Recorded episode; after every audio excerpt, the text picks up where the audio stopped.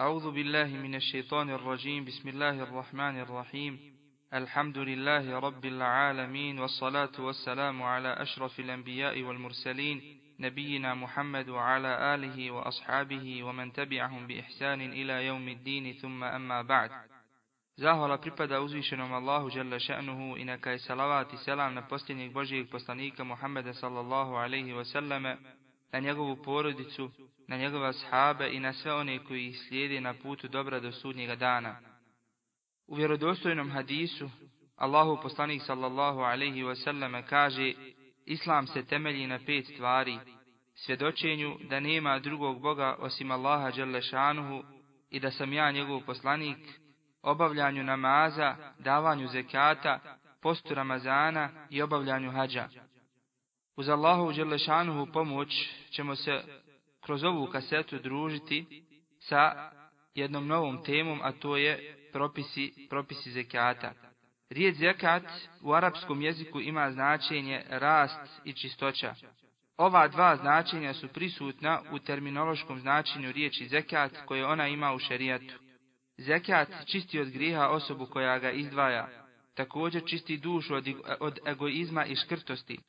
Davanje zekata uzrokuje napredak i povećanje imovine s obzirom na to da se dolazi e, do transfera jednog dijela imovine u posjed siromašnih i potrebnih, zbog čega ga uzvišeni umnožava i daje beričet.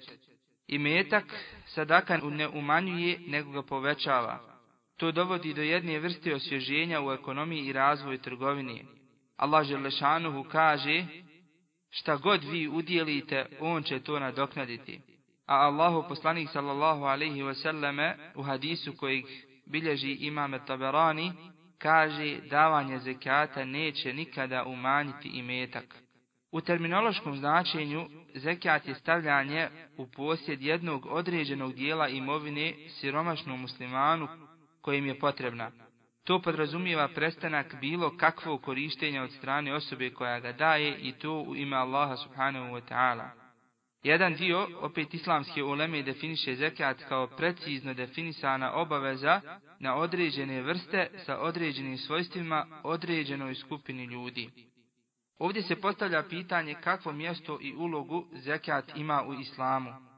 Zekat je treći od pet temelja vjere islama, koji su spomenuti u citiranom hadisu kojeg prenosi Abdullah ibn Umar radijallahu ta'ala anhu, a u kojem poslanik alaihi salatu wasalam kaže, kao što smo to citirali na početku, Islam se temelji na pet stvari, svjedočenju da nema drugog Boga osim Allaha Đerlešanuhu i da sam ja njegov poslanik, obavljanju namaza, davanju zekata, postu Ramazana i obavljanju hađa. Obaveza davanja zekata je ustanovljena Kur'anom, sunnetom i konsenzusom islamskih učenjaka. Allah Đelešanu uspominje zekat uporedo s namazom u velikom broju ajeta, pa tako kaže uzvišeni obavljajte namaz i dajte zekat. Zatim Allah Đelešanu ga spominje sa namazom, stubom ove vjere, naglašavajući time njegovo mjesto u islamu. Allahovom poslaniku sallallahu alaihi wasallame je davana zakljetva da će, da će se ova obaveza izvršavati. Od Đerira ibn Abdullah radijallahu ta'ala anhu se prenosi da je rekao dao sam zakljetvu poslaniku sallallahu alaihi wasallame da ću obavljati namaz, davati zekat i upućivati savjete svakom muslimanu. I ovaj hadis bilježi imam Buharija. Prema tome, zekat je stroga obaveza, a onaj ko to zanijeće pripada jednoj od dvije skupine. Ako zna za obavezu zekijata, ali pored toga to negira, izlazi iz vjere Islama po konsenzusu islamskih učenjaka, jer je porekao opće poznatu stvar u vjeri.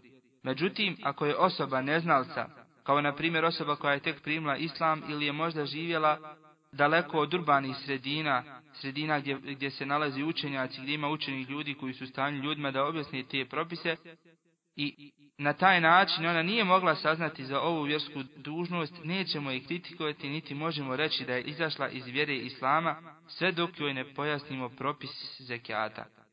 Od Ebu Hureyre radijallahu ta'ala anhu se prenosi da je rekao, nakon smrti Allahovog poslanika sallallahu alaihi wasallam, hilafet je preuzeo Ebu Bakr radijallahu ta'ala anhu. Neki Arapi su se vratili u nevjerstvo, pa Ebu Bekr odluči da se bori protiv njih. Omer radijallahu ta'ala anhu je tada upitao Ebu Bekra, kako ćeš povesti rat protiv ljudi, kada je poznato da je Allahu poslanik sallallahu alaihi wasallam rekao, naređeno mi je da se borim protiv ljudi, sve dok ljudi ne izgovore la ilaha illallah, pa ko izgovori te riječi, njegova imovina i život će biti zaštićeni osim ako zbog nekog drugog prijestupa nešto jeli ne učini, a konačan sud je kod Allaha Đelešanuhu. Ebu Bekr radijallahu ta'ala anhu je tada odgovorio Omeru radijallahu ta'ala anhu, pa mu reče, tako mi je Allaha, borit ću se protiv onih koji su napravili razliku između namaza i zekata. Zaista je zekat pravo koji se nalazi u imovini, kada bi mi uskratili davanje samo jednog malog bravčeta koji su davali na ime zekata u vrijeme poslanika sallallahu alaihi wasallame, ja bih poveo bitku protiv njih zbog te utaje. Omer radijallahu ta'ala anhu je poslije toga rekao, tako mi Allaha, to nije ništa drugo osim Allahova uputa koja je raširila grudi Ebu Bekra radijallahu ta'ala anhu i znao sam da je to istina. Obaveza zekijata je kategorična, Zekijat je propisan u Meki, međutim, detalji oko načina izdvajanja i podjele dolaze tek u Medini prije nego što je naređen post Ramazana. To je poslije namaza najvrijedniji ibadet. Grijeh onoga ko ne daje zekat je veliki, toliki da je ima Buharija posvetio posebno, posebno poglavlje u svome sahihu u knjizi o zekatu pod nazivom Poglavlje o grijehu onog koji ne daje zekat, i riječima uzvišenog Allaha Đerlešanuhu koji u suri Teube u 34. 5. Aj, 35. ajetu kaže Onima koji zlato i srebro gomilaju i ne troše ga na Allahovom putu na vijesti bolnu patnju. Na dan kad se ono bude u vatri džahennemskoj usijalo, pa se njime čela njihova i slabine njihove i leđa njihova budu žigosala. Ovo je ono što ste za sebe zgrtali, iskusite za tu kaznu za ono što ste gomilali. Plemeniti ashab Abu Hureyre radijallahu ta'ala anhu prenosi da je poslanik sallallahu alaihi wasallam rekao Doći će deve na sudnjem danu svome vlasniku bolje i krupnije nego što su bile i ako ne bude davao na njih zekat, one će ga gaziti svojim kopitima. Doći će ovce svome vlasniku bolje nego što su bile i ako ne bude davao na njih zekat, one će ga gaziti svojim pavcima i bosti ga svojim rogovima.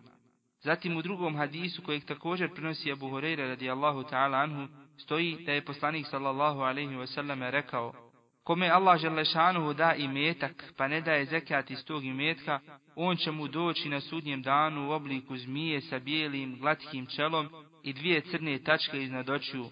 Ona će mu se omotati oko vrata na sudnjem danu, a zatim ga uhvatiti za vilce govoreći mu, ja sam tvoj imetak, ja sam tvoje blago.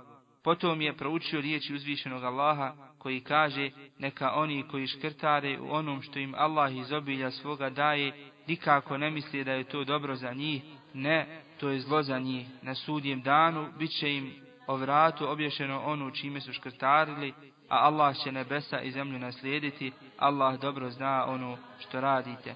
I ovaj hadis bilježi imam Buharija. Kada govorimo o mudrosti propisivanja zekata, moramo e, skrenuti pažnju na jednu stvar, a to je da svaki propis sa kojim je došla ova vjera nosi u sebi mudrost i veliko dobro, kako za pojedinca, tako i za cjelokupno društvo.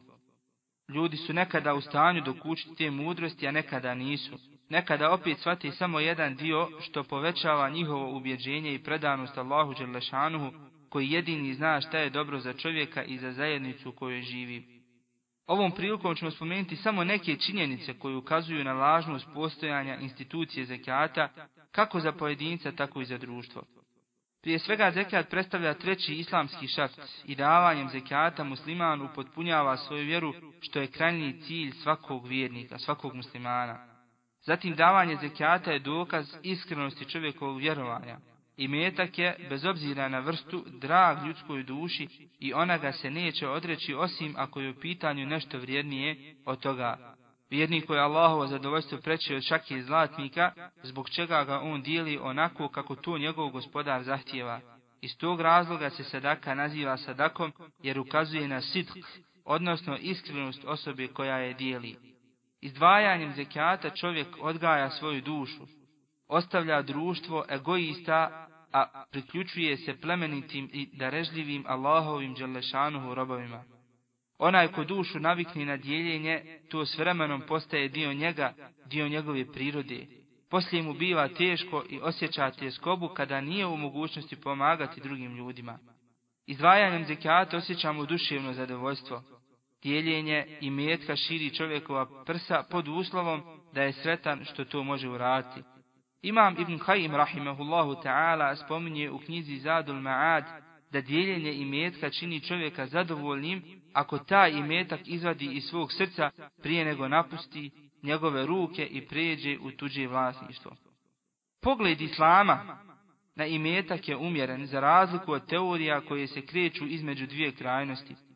Pa tako imamo kapitalizam kojem je kapital sve u životu, a pobornici ove ideje mu gotovo robuju. Na drugoj strani imamo socijalizam kojem imetak ne predstavlja ništa, ne postoji razlika između bogatog i siromašnog. Oni čine nepravdu prema bogatim, a kapitalizam je to isto uradio siromasima. Put Islama prolazi između ove dvije krajnosti. Trud koji je bogataš uložio zaslužuje poštovanje, ali se mora suosjećati sa svojom siromašnom braćom muslimanima. Dužan ih je pomoći izdvajajući zekat, a za toga čeka nagrada kod njegovog gospodara. Izdvajanjem zekata musliman zaslužuje atribut potpunog imana, kompletiranog muslimana. Kaže Allahu poslanik sallallahu alaihi wasallame, nećete vjerovati dok ne budete želili svome bratu ono što želite sebi. Kao što ti voliš da te drugi pomognu i ti trebaš to isto želiti i činiti njima. Sa institucijom zekijata muslimansko društvo biva kao jedna porodica. Jači se brini o slabijem, bogati pomaži siromašnog. U takvom ambijentu vjernik osjeća da živi među braćom koju mora pomoći kao što je i njemu Allah Želešanu pomogao. Uzvišeni kaže i čini drugima dobro kao što je Allah tebi dobro učinio. Ovako islamski umet postaje jedno tijelo kada jedan dio oboli i svi se sa njim suosjećaju. Ovakvu pojavu nazivaju društvena solidarnost. Zekat je nesumnjivo osnova ove solidarnosti, a njegovo izdvajanje znači obaviti vjersku dužnost i pomoći svojoj braći u vjeri. Izdvajanjem zekijata sprečavamo ustanke i revolucije siromašnog staleža. Posmatrajući život bogataša koji, koji vozi luksuzna auta, stanuju u vilama, jedu najkvalitetniju hranu, mračne dimenzije čovjekove duše mogu uzeti svoj danak. Međutim, sa osjećanjem bogataša i pomaganjem siromašnih se gasi vatra ustanka. Oni tada kažu, Naša braća bogataši nas nisu zaboravili, te zaslužuju da ih volimo i poštujemo. Zekatom spriječavamo imovinski kriminal poput krađa, otimačina, razbojništva i tako dalje. Bogati su izdvojili dio iz svog imetka i podijelili potrebnim, a siromašni su zadovoljni. Dobročinstvo učinjeno prema njima im ne dopušta uzurpiranje imovine bogatih. Zekat je ujedno i zaštita od vatri na sudnjem danu. Kaže Allahu poslanik sallallahu alaihi wasallame, čovjek će biti u hladu svoje sadake na sudnjem danu. Govoreći o ljudima koji će biti u hladu Allahovog harša na dan kada neće biti drugog hlada mimo tog hlada, Allahu poslanik sallallahu alaihi wasallame između ostalog spominje i čovjek koji je udjelio sadaku i prikrio je toliko da njegova lijeva ruka ne zna šta dijeli desna. Davanjem zekata zaslužujemo da nam uzvišeni ispusti kišu koja znači život za naše usjeve. Kaže Allahu poslanik sallallahu alaihi wasallame, ljudi neće prestati davati zekat, a da im Allah želešanuhu neće uskratiti kišu sa nebesa. Osoba koja dijeli svoj imetak i pomaže ljudima, Allah želešanuhu ga oslobađa robstva. On postaje gospodar svoje imovine, a ne njen rob. Dijeljenjem zekijata Allah Želešanu uspušta beričet u imetak čovjeka što i jeste pravo bogatstvo. Nekada imamo milionera, ali ne osjeća beričet u svom imetku. Pola imetka mu je izgorlo u požaru, velike količine novca troši na liječenje, žena je rasipničar, sin se guši u ambisu dunjalučkih poroka, što znatno umanjuje njegovu finansijsku moć. Takva osoba je jadnik koji nije svjestan da biti bogat znači imati beričeta u svojoj imovini. U ovom kontekstu islamska ulema kaže nije bitno da čovjek bude bogat, nego da mu Allah Želešanuhu dadne beričeta u imetku, makoliki on bio. Praktičan primjer je za tu osoba koja ima desetoro djece, ali bi ipak volio da ni jedno nikada nije ugledalo svjetlo dana. Ona su neposlušna, ohala, bestidna, uobražena. Allah Želešanuhu mu nije dao beričeta u odgoju djeci. S druge strane imamo čovjeka koji ima samo jedno dijete, ali ono dobro i poslušno. Babo je bio dobar, pa mu je uzvišeni Allah Želešanuhu dao beričeta i u njegovom djetetu. Za ovakvu osobu možemo reći da je u istinu bogata. Sada ćemo spomenuti neke uslove pod kojima zekat postaje obavezan. Pa tako da bi musliman postao obavezan davati zekat, moraju se ispuniti određeni uslovi. Islamska ulema spominje pet uslova koji, za koje je neophodno da se ispune da bi vjernik musliman bio obavezan dati zekat. Prvi uslov je da čovjek bude slobodan, jer rob po konsenzusu islamskih učenjaka nije obavezan davati zekat. Iako to danas praktično ne postoji, ali islamski učenjaci napominju i taj uslov kako bi se znalo da je i to jedan od uvjeta obaveznosti izdvajanja zekata. Musliman rob nije obavezan davati zekat zato što je njegov imetak Drugi uslov je islam, odnosno da je čovjek musliman. Nevjernik nije obavezan davati zekat jer je on propisan da očisti vjernika od grijeha. Kaže Allah Želešanuhu, uzmi od obara njihovih zekat da ih njime očistiš. Treći uslov je posjedovanje nisaba, odnosno količine koju Allah Želešanuhu odredio za obaveznost zekijata, a nešto opširnije ćemo o tome poslije reći. Četvrti uslov je da imetak bude u čovjekovom potpunom vlasništvu. Zekijat se ne daje na imovinu koja je zalog kod neke osobe. Na nju ne daje zekijat ni osoba kod koje se nalazi zalog zbog činjenice da nije pravi vlasnik, niti osoba koju je založila zbog činjenice da se ne može koristiti njome. Kada osoba koja je dala imovinu u zalog vrati u svoju posjetu u svoju imovinu, neće davati zekijat za protekle godine. I peti i zadnji uslov je da imetak pregodini, jer poslanik sallallahu alaihi wasallam kaže, zekat postaje obavezan na imetak kada pregodini. Prolazak perioda od jedne godine nije uvijek kod zekata na poljoprivredne prinose. Što se tiče zekijata na imetak umno poremećene osobe i djeteta, ako se desi da postoji nisa po djeteta koji još nije u stanju da raspolaže imetkom na pravi način ili je umno poremećena osoba koja je imala imetak prije bolesti ili je naslijedila od nekoga veći dio imetka, obaveza je na starateljima tih osoba da izvoje zekat u njihovo ime. Možda se neko upita kako, kako je zekat obaveza takvim osobama kada im nisu obavezne druge vrste ibadeta kao namaz, post i sl. Odgovor bi bio sljedeći. Zekat je ibadet povezan sa imetkom. To jeste, njegova obaveznost je povezana pa sa posjedovanjem imetka. Pa ako taj imetak postoji u tolikoj količini koju je šerijat precizirao, onda je njegovo izdvajanje obavezno. Pa tako imetak djeteta je tima ili ludaka ne izlazi iz okvira obavezi, s obzirom da postoji osoba koja raspolaže tim mjetkom, a to je u ovom slučaju staratelj, tih obaveznika, davanjem zekata i on za njih mijeti davanje zekata. Postoje činjenice zbog kojih zekat nije obavezan. Zekat je ibadet vezan za imovinu, pa nije valjan ako se izdvaja iz imovine koja je stečena na nedozvoljen, to jeste haram način, niti je obaveza dati iz takve imovine zekat. Allah Želešanuhu u suri Al-Bekare u 267. ajetu kaže O vjernici, udjeljujte od lijepih stvari koje ističete i od onoga što vam mi iz zemlje dajemo. Ne izdvajajte ono što ne vrijedi da biste to udjelili, kad ni vi sami to ne biste primili osim zatvorenih očiju i znajte da Allah nije ni o kome ovisan i da je hvali dostojan.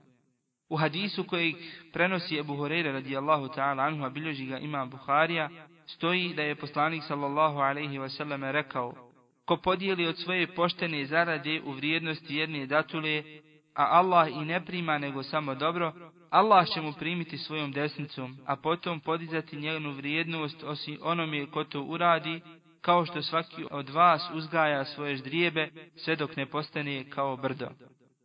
Oni koji imaju obavezu davanja zekata dužni su je ispuniti izvršavajući Allahu Želešanuhu naredbu gdje kada kaže u atu zekate i dajte zekat.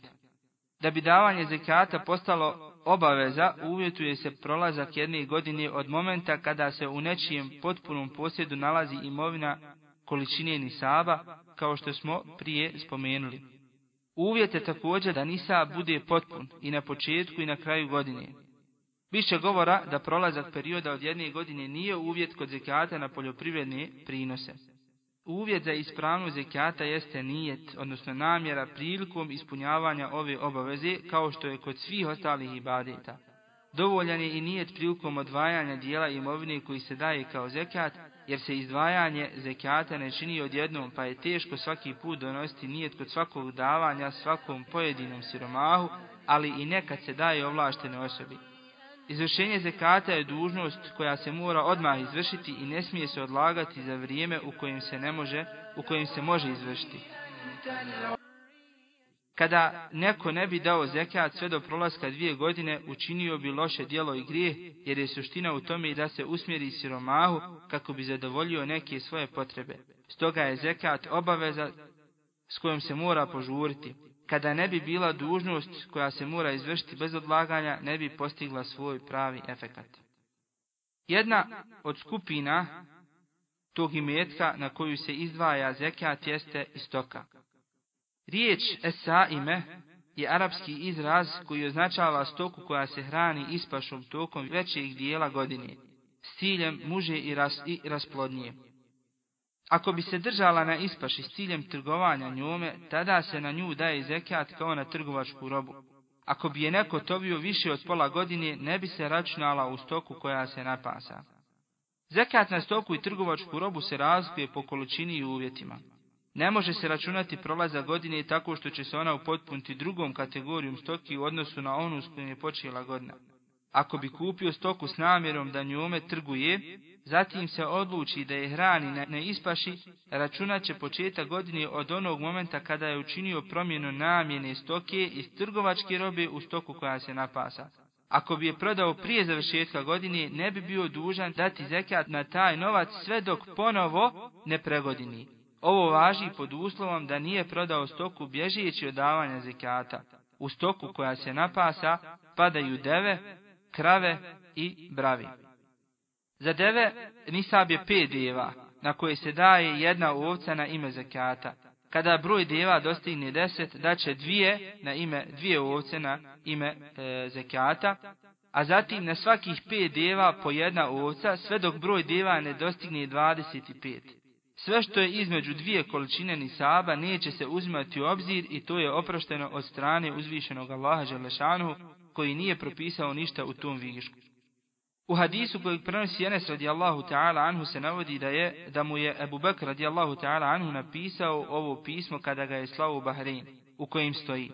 U ime Allaha milostivog samilosnog, ovo je obavezno davanje zekata koje je Allahu poslanik sallallahu alaihi wasallam stavio u dužnost muslimana i koje je naredio svome izaslaniku, pa od kojeg muslimana bude zatraženo da je izvrši onako kako je propisano, neka to ispuni. Od koga bude zatraženo više od toga, neka ne daje. U 24 deve i sve što je manje za svakih 5 deva daje se jedna ovca. Kada se ovaj broj potpuni na 25 pa sve do 35 obaveza je dati na ime zekata jednogodišnju devu koja je nastala druga godina života. Kada broj deva bude iznosio 36 do 45, obaveza je na ime zekijata dati jednu dvogodišnju žinku koju je nastala treća godina. Kada broj deva bude od 46 do 60, obaveza je na ime zekijata dati jednu, jednu trogodišnju devu koja je prispjela e, za parenje s mužijakom. Kada broj deva dostigne od 61 do 75, obaveza je dati jednu četverogodišnju koja je ušla u petu godinu. Kada broj deva bude od 76 pa sve do 90, obaveza je dati dvije dvogodišnje deve koji su ušle u treću godinu. Kada broj deva bude od 91 do 120, obaveza je na ime zekijata dati dvije trogodišnje deve koji su prispjele za parenje s mužijakom. Kada se taj broj poveća iznad 120, u svakih 40 deva će se dati de, će se dati devu koja je ušla u, če, u treću godinu, a u svakih 50 obaveza je dati jednu trogodišnju devu koja je ušla u četvrtu godinu. Ko ne bude imao više od četiri deve u toj količini nema nikakve obaveze. Izuzev ako njihov vlasnik hoće dobrovoljno nešto da dadne.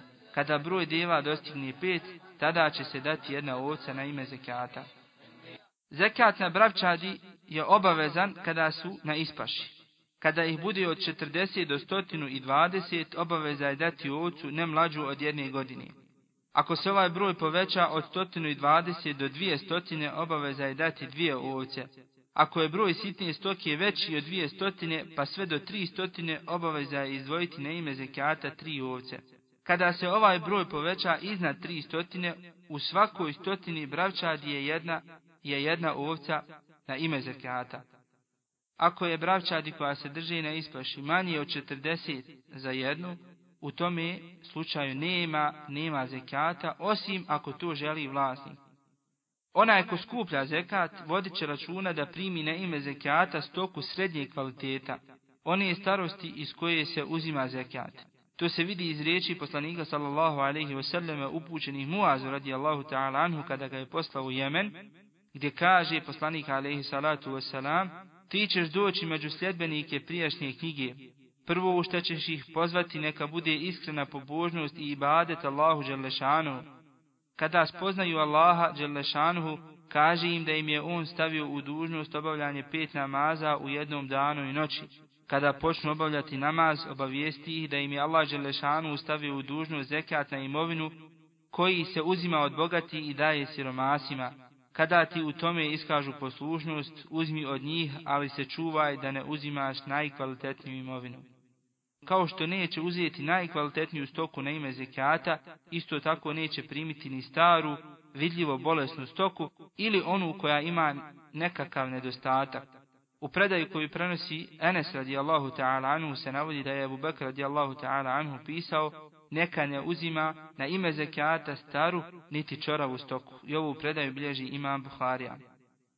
Sve spomenuto do sada je u vezi sa zekijatom na deve i sitnu stoku. Što se tiče obavezi davanja zekijata na goveda, dokaza to su poslanikove sallallahu alaihi ve selleme riječi kada kaže tako mi onoga u čujoj ruci moja duša, nema ni jednog čovjeka koji posjeduje deve, krave ili bravčad, i ne daje na njih zekat, a da one neće doći na sudnjem danu veće i deblje nego što su bile, pa će ga bosti svojim rogovima i gaziti pavcima, kada god prođe jedna, za njom dođe druga i tako sve dok ne završi, sve dok se ne završi sa presudom svijetu. I ovaj hadis bilježi imam Buharija, a Tirmizi, imam Tirmizi u svom sunenu, navodi hadis koji prenosi Ibn Mesud radijallahu ta'ala anhu, da je poslanik sallallahu alaihi wasallam rekao, na svakih 30 grla govjeda daje se jednogodišnje june ili junica, a na svakih 40 grla daje se jedno dvogodišnje goveće. Kada broj govjeda prijeđe 40, na svaki sljedeći 30 će davati jednogodišnje june ili junicu, a na 40 jedno dvogodišnje govedo i tako dalje. Ovo su bili propisi vezani za zekat na stoku. A sad ćemo se malo posvijetiti propisima koji su vezani za zlato, srebro i vrednostne papire. Obaveza je dati zekat na zlato i srebro bez obzira na to po kom osnovu ih posjedi osoba, jer su to vrijednosti same po sebi, bez obzira na to da li su sirovina ili nakit, obrađeni ili neobrađeni, da li je dozvoljena nekome njihova upotreba ili ne. Ono što je relevantno za davanje zekata jeste količina. U Buharinom sahihu se prenosi od Halida ibn Eslema radijallahu ta'ala anhu da je rekao Izašli smo sa Abdullah ibn Omerom radijallahu ta'ala anhu, a neki beduin reče Objasni mi Allahove riječi, oni koji gomilaju zlato i srebro i ne troše ih na Allahovom putu. Ibn Omer radijallahu ta'ala anhu tada reče, ko ih bude gomilao, gomilao i skrivao u riznici, ne dajući na njih zeka teško njemu, ovo je bilo aktuelno prije nego što je došao propis o zekijatu. Kada je propisan zekijat, Allah Đelešanu ga je učinio sredstvom za čišćenje imovine. Ibn Hajar, rahimehullahu ta'ala, kaže, navodi ga također i Bejhaki sa svojim lancem prenoslaca od Ibn Omara radijallahu ta'ala anhu, a glasi, svaka imovina na koju se daje zekijat, makar se nalazila ispod sedam zemalja, ne smatra se nagomilanom i skrivenom u riznici, a svaka imovina na koju se ne daje zekat, makar se nalazila na površini zemlje, smatra se nagomilanom i skrivenom u riznici. Opće je poznato da je osnova današnje ekonomije i uglavnom svih vrijedonosnih stvari na svijetu zlato i srebro. Bez obzira koje mjesto ili vrijeme bilo u pitanju, ova dva plemenita metala ne gube svoju vrijednost. Kovance od kojih su bili prvi novci nakon robne razmjene, a iz tog se pojavio papirni novac čija je vrijednost, čija se vrijednost mjeri na osnovu zlata i srebra. Ako malo bolje razmotrimo propise zekijata, možemo primijetiti da se zekijat daje uglavnom na one vrste imetka koje sa sobom donose prihode, što sigurno možemo naći u zlatu i srebru. Da bi zekat bio obaveza na ove vrste imetka uvjetuju se dvije stvari. Nisab, znači da dođe, da postigne vrijednost nisaba, to jeste tačno određene količine, i da taj nisab, to je drugi uslov, da taj nisab pregodini kod vlasnika imetka. Šta je to nisab? Nisab je šerijatom precizirana količina imetka na koji se daje zekat. Nisab zlata u gramima iznosi 85 grama, a nisab srebra oko, de, oko 595 grama. Znači, ako musliman posjeduje kod sebe 85 grama zlata i više čitavu godinu dana, s tim da ta količina ne pada ispod 85 grama, dužan je nakon isteka hidžetske godine, jer je ona kraća od ove gregorijanske godine za 10 dana, izdvojiti zekat. Isto to važi i za srebro, to jeste onaj kod posjeduje 595 grama srebra i više, čitavu godinu dana, dužan je izdvojiti zekat. Što se tiče novca, procijeni se nisab srebra u novcu i to je nisab novca. Pa tako za ovu godinu islamska zajednica u Bosni i Hercegovini odrijedila nisab novca u vrijednosti od 2050 konvertibilnih maraka. To znači da onaj ko posjeduje 2050 konvertibilnih maraka ili, ili više od toga kod sebe i ta mu svota pregodini, obavezan je na nju izdvojiti zekat. Na sve tri vrste se izdvaja 2,5, znači 2,5, na sve tri vrste se izdvaja 2,5% od vrijednosti koju posjeduje musliman koji je dužan dati zekat. To znači da onaj ko ima 2050 konvertibilnih maraka koji su pregodile kod njega, dužan je dati 51,25 konvertibilnih maraka na ta iznos za tu godinu. Ovo poglavlje zekijata zaključit ćemo pravilom da se nisab jedne vrste ne dopunjava drugom, kao na primjer novac srebrom ili zlatom, nego se svaka vrsta obračunava za sebe. To su bili propisi vezani e, za zekijat na e, zlato, srebro i novac. Sada ćemo spomenuti zekijat ili pravila zekijata na trgovačku robu. Jedan od dozvoljenih načina zarade i stjecanja imetka u islamu je i trgovina. U suri Al-Bekare uzvišeni Allah Želešan nam pojašnjava da je dozvolio svojim robovima trgovinu, a zabranio kamatu, pa kaže uzvišeni, a Allah je dozvolio trgovinu, a zabranio kamatu. Trgovina je jedan od beričetnijih izvora zarade, a i sam Allahu poslanik sallallahu alaihi wasallam se bavio trgovinom.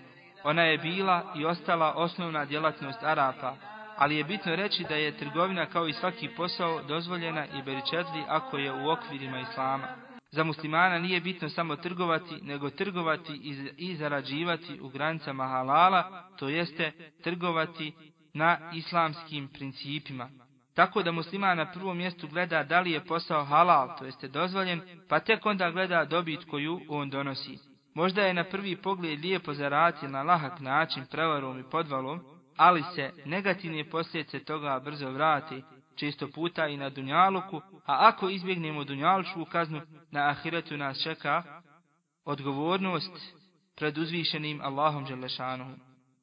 Na početku bi spomenuo dokaze obaveznosti zekijata na trgovačke proizvode, pa tako uzvišeni Allah Želešanu u suri Al-Bekare u 267. majetu kaže O vjernici udjeljujte od dobra koje ste stekli.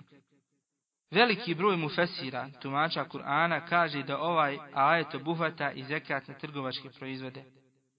Zatim je Budavut, rahimehullahu ta'ala, bilježi predaju u kojoj Samure ibn Džundub kaže Naredio nam je poslanik sallallahu alaihi wasallame da dajemo zekat na ono što smo odredili za trgovinu.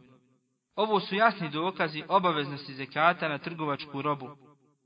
Da bi zekat na trgovačku robu bio obavezan, moraju se ispuniti dva uvjeta. Prvo nisab, a to je precizirana vrijednost imetka, u ovom slučaju nisab novca, a rekli smo da je on da je on za ovu godinu 2050 konvertibilnih maraka i drugi uslov da nisab pregodini kod trgovca. Da bi ovo bilo malo jasnije, možemo to ovako formulisati.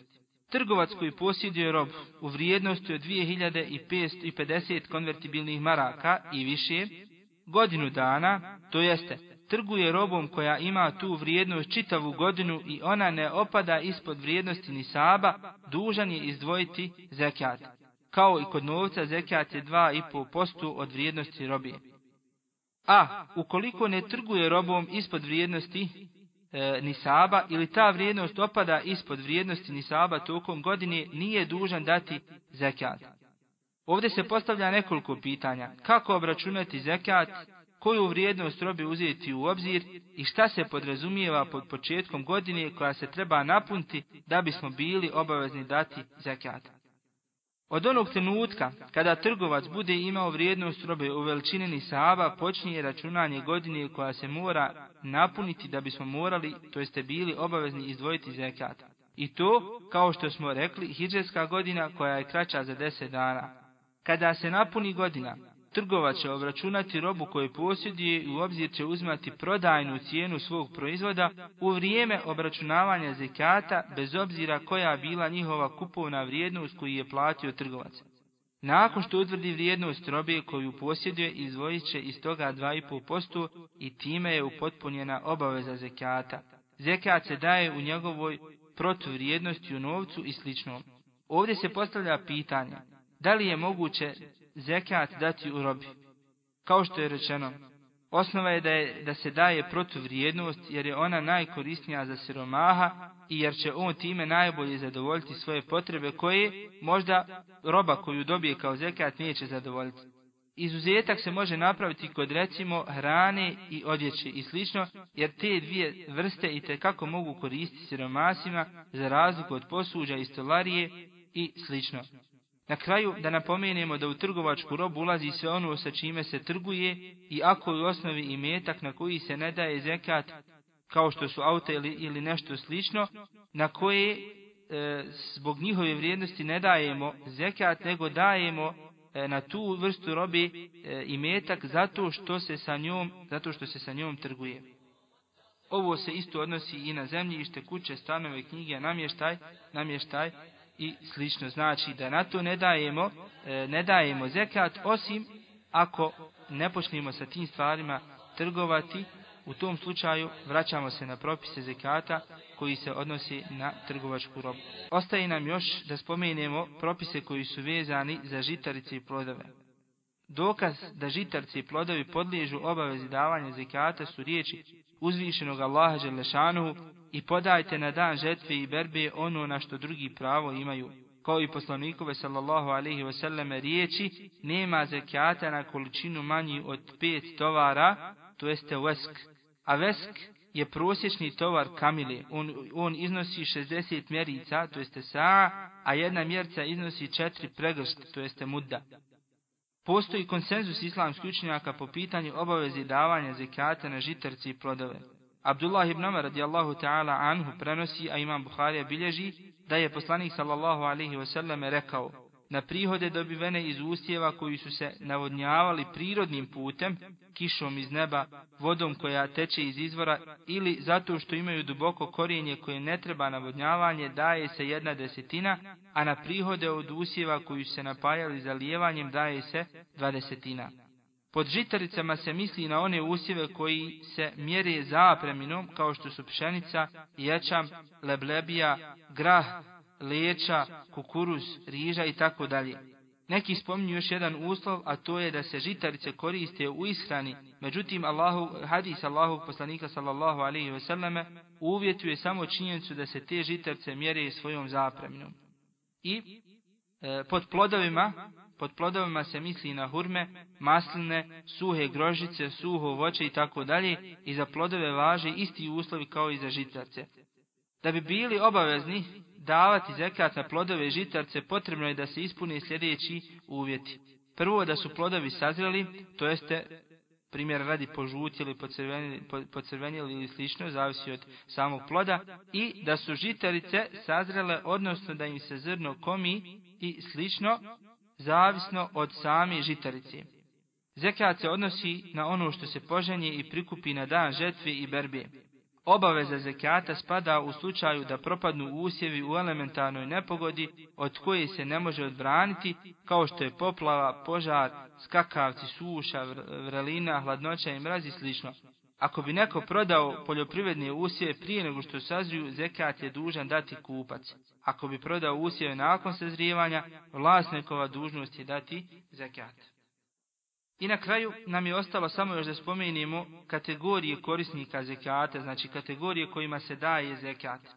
Uzvišen Allah Želešanu je jasno odredio kojim se korisnicima može dati zekat i ko ima pravo na njega, taksativno pobrojavši kategorije korisnika. Nije ga dozvoljeno dati mimo toga nekom drugom. Allah Želešanu u suri Teube u 60. ajetu kaže Zekat pripada samo siromasima i nevoljnicima i onima koji ga sakupljaju i onima čija srca treba pridobiti i za otkup iz robstva i prezaduženima i u svrhe na Allahom putu i putniku namjerniku. Allah je tako odredio, a Allah sve zna i mudar je. Prva skupina su siromasi. U arapskom se kaže za siromaha fakir, a množina je fukara.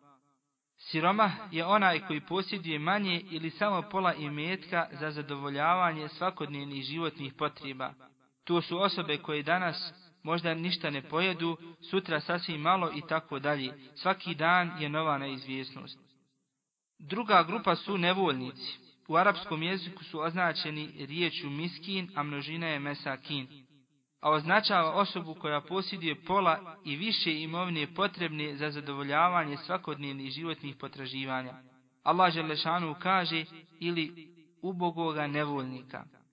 Primjer ovakve osobe je čovjek koji mjesečno prima 200 konvertibilnih maraka, a za izdržavanje njega i njegove porodice mu je potrebno e, primjer radi 300 konvertibilnih maraka. Ovakvoj osobi nam je dozvoljeno dati u ime zekata ili na ime zekata otprilike nekih 100 konvertibilnih maraka. Treća skupina su oni koji sakupljaju zekat. To su aktivisti koji radi na sakupljanju zekata i koji ga distribuiraju korisnicima. Uvjet njihova statusa je da ih angažuje odgovorna služba. Svakom pojedincu koji sakuplja zekat daje se naknada za njegov angažman, onoliko koliko mu je potrebno uzimajući u obzir sredinu. Ovdje se ne uzima u obzir činjenica da li je on bogat ili siromašan. Naprotiv, to je u stvari nadoknada za obavljeni posao i s tim što ćemo procijeniti ako mu taj novac nije dovoljan za života, da će mu onda nešto zekata jer ulazi u kategoriju siromašnih muslimana. Četvrta skupina su oni čija srca treba pridobiti. Ovu kategoriju možemo podijeliti u tri grupe. Prva grupa su nevjernici kojima je propisano davati zeka da bi njihova srca pridobili za islam. Zatim druga grupa su oni kojima je poslanik sallallahu alaihi ve selleme davao kako bi spriječio njihovo zlo i treća grupa su oni koji su primili islam, ali je njihova privrženost bila slaba, njihov iman još uvijek nije ovladao njihovim srcima, zbog čega je propisano davati im zekat kako bi se učvrstili u islamu. Peta skupina su e, oni kojima se daje zekat radi otkupa iz robstva. To su oni robovi koji, su, koji se dogovori sa svojim vlasnicima da će im davati određeni dio novca, a da će ih oni za uzvrat osloboditi i pustiti. Allahovo Đerlešanu riječi za otkup iz robstva znači oslobađanje od okova robstva i počinjosti drugom čovjeku. Islam je preporučio i propisao da se jedan iznos izdvaja za oslobađanje robova. Također, uzvišnji Allah Đelešanu je posticao na oslobađanje robova na ovaj način, riječima, a s onima u posjedu vašim koji žele da se otkupe ako su u stanju da to učine, o otkupu se dogovorite i dajte im nešto od imetka koji je Allah vama dao. Šesta skupina su prezaduženi. To je osoba koja ima veliki dug i nije ga u mogućnosti vratiti. Šerijat je propisao da se ovakvoj osobi pomogne s tim što je potrebno obratiti pažnju zbog čega je došlo do zaduženja. Ako se osoba zadužila radi ljetovanja na moru, kockanja i slično, vraćanje takvog duga nije propisano, jer je to u stvari pomaganje učinjeno onoga to je Allah Želešanu zabranio i što ne voli. Isti propis važi za osobu koja se zadužila kako bi sebi priuštila neki luksus. Prema tome, samo čovjek koji je uzao dug radi šerijetski opravdane potrebe zaslužuje da mu se dadne zekat. Primjer za to je izdržavanje porodice, plaćanje kirije i sve ono bez čega čovjek i njegova porodica ne mogu živjeti. Sljedeća skupina kojoj se daje zekat jesu oni, jeste u svrhe na Allahovom putu. Na Allahovom putu je onaj koji se bori, a ne posjeduje nikakva sredstva za, zbog udaljenosti od kuće i siromaštva. Dozvoljeno mu je dati zekat kako bi se mogao obući, naoružati i kupiti sve ono što mu je potrebno u borbi. Postoji mišljenje da u, ovu, da u ovu kategoriju spada i onaj koji se u potpunosti posvijeti izučavanju korisnih islamskih nauka. I zadnja skupina jeste putnik namjerni. To je svako ko ima sredstva, ali nisu uz njega, bez obzira na to da li bio u tuđoj ili svojoj zemlji, ili onaj koji je pozajmio nekome novce, ali ne može da dođe do njih, ili, ni, ili nije prošao rok za njihovo vraćanje. Isti tretman ima svako onaj ko ne može doći do svojih sredstava po bilo kom osnovu, makar se i nalazi u svojoj zemlji. Ovdje je relevantna potreba da bi se imalo pravo na zekat, a ona je evidentna. Osoba je faktički siromašna, iako je formalno, materijalno situirana. Važno je napomenuti da putniku nije dozvoljeno da uzme iz zekata više nego što mu je potrebno.